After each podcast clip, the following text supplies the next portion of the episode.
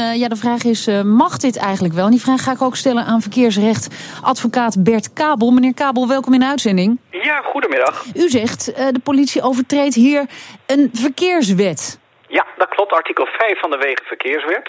En die luidt dat het verboden is om de veiligheid op de weg in gevaar te brengen... dan wel het verkeer te hinderen of mogelijk te hinderen. En ja, je kunt volgens mij wel zeggen dat het verkeer hier wordt gehinderd. Ja, en is het dan strafbaar wat de politie vandaag doet? Ja, ja artikel 5 van de Wegenverkeerswet. En sterker nog, als uh, wij als gewone burger daar zouden rijden... en wij zouden daar te langzaam over die snelweg rijden... zou de politie ons een proces verbaal kunnen geven voor ditzelfde feit. Ja, maar ja, als je dan staakt, dat is wel handig natuurlijk. Want ja, degene maar... die dat uh, zouden moeten uitdelen, die boetes, die, die staken. Die, die staken niet, maar die staken nu wel. Maar stel nu dat het een groep leraren is die zegt... we gaan eenzelfde soort actie uitvoeren. Mm -hmm. Ik denk dat de politie daar niet gelukkig mee zou zijn... en dan dat wel zou aanpakken. Dus ja, je krijgt natuurlijk nu wel een ongelijke situatie uh, dat degene die de regels moet handhaven dit wel uh, mag doen ja. en andere burgers niet.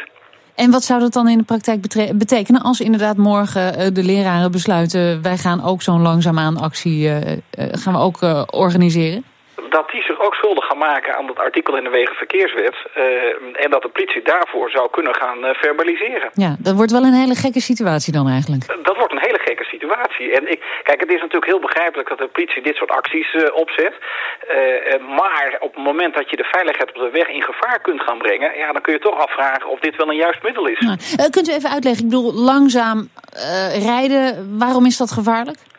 Dat is gevaarlijk omdat uh, er natuurlijk achteropkomend verkeer is. Uh, en dat achteropkomende verkeer houdt wellicht geen rekening met het langzaam rijdende verkeer voorop. En dan kun je dus in een situatie terechtkomen dat je plotseling op die file terechtkomt. Ja, en dan is dat een gevaarlijke situatie. Ja, want we hebben al wel eens zo'n situatie meegemaakt. Dat klopt. De, de, de filefuikzaak waarbij de politie bewust een file heeft gecreëerd om een dief van brandstof tot stoppen te bewegen ja, en die is toen achter op die file gebotst. En dat heeft grote gevolgen gehad uh, voor weggebruikers. Hoe gaat dit nou aflopen, denkt u?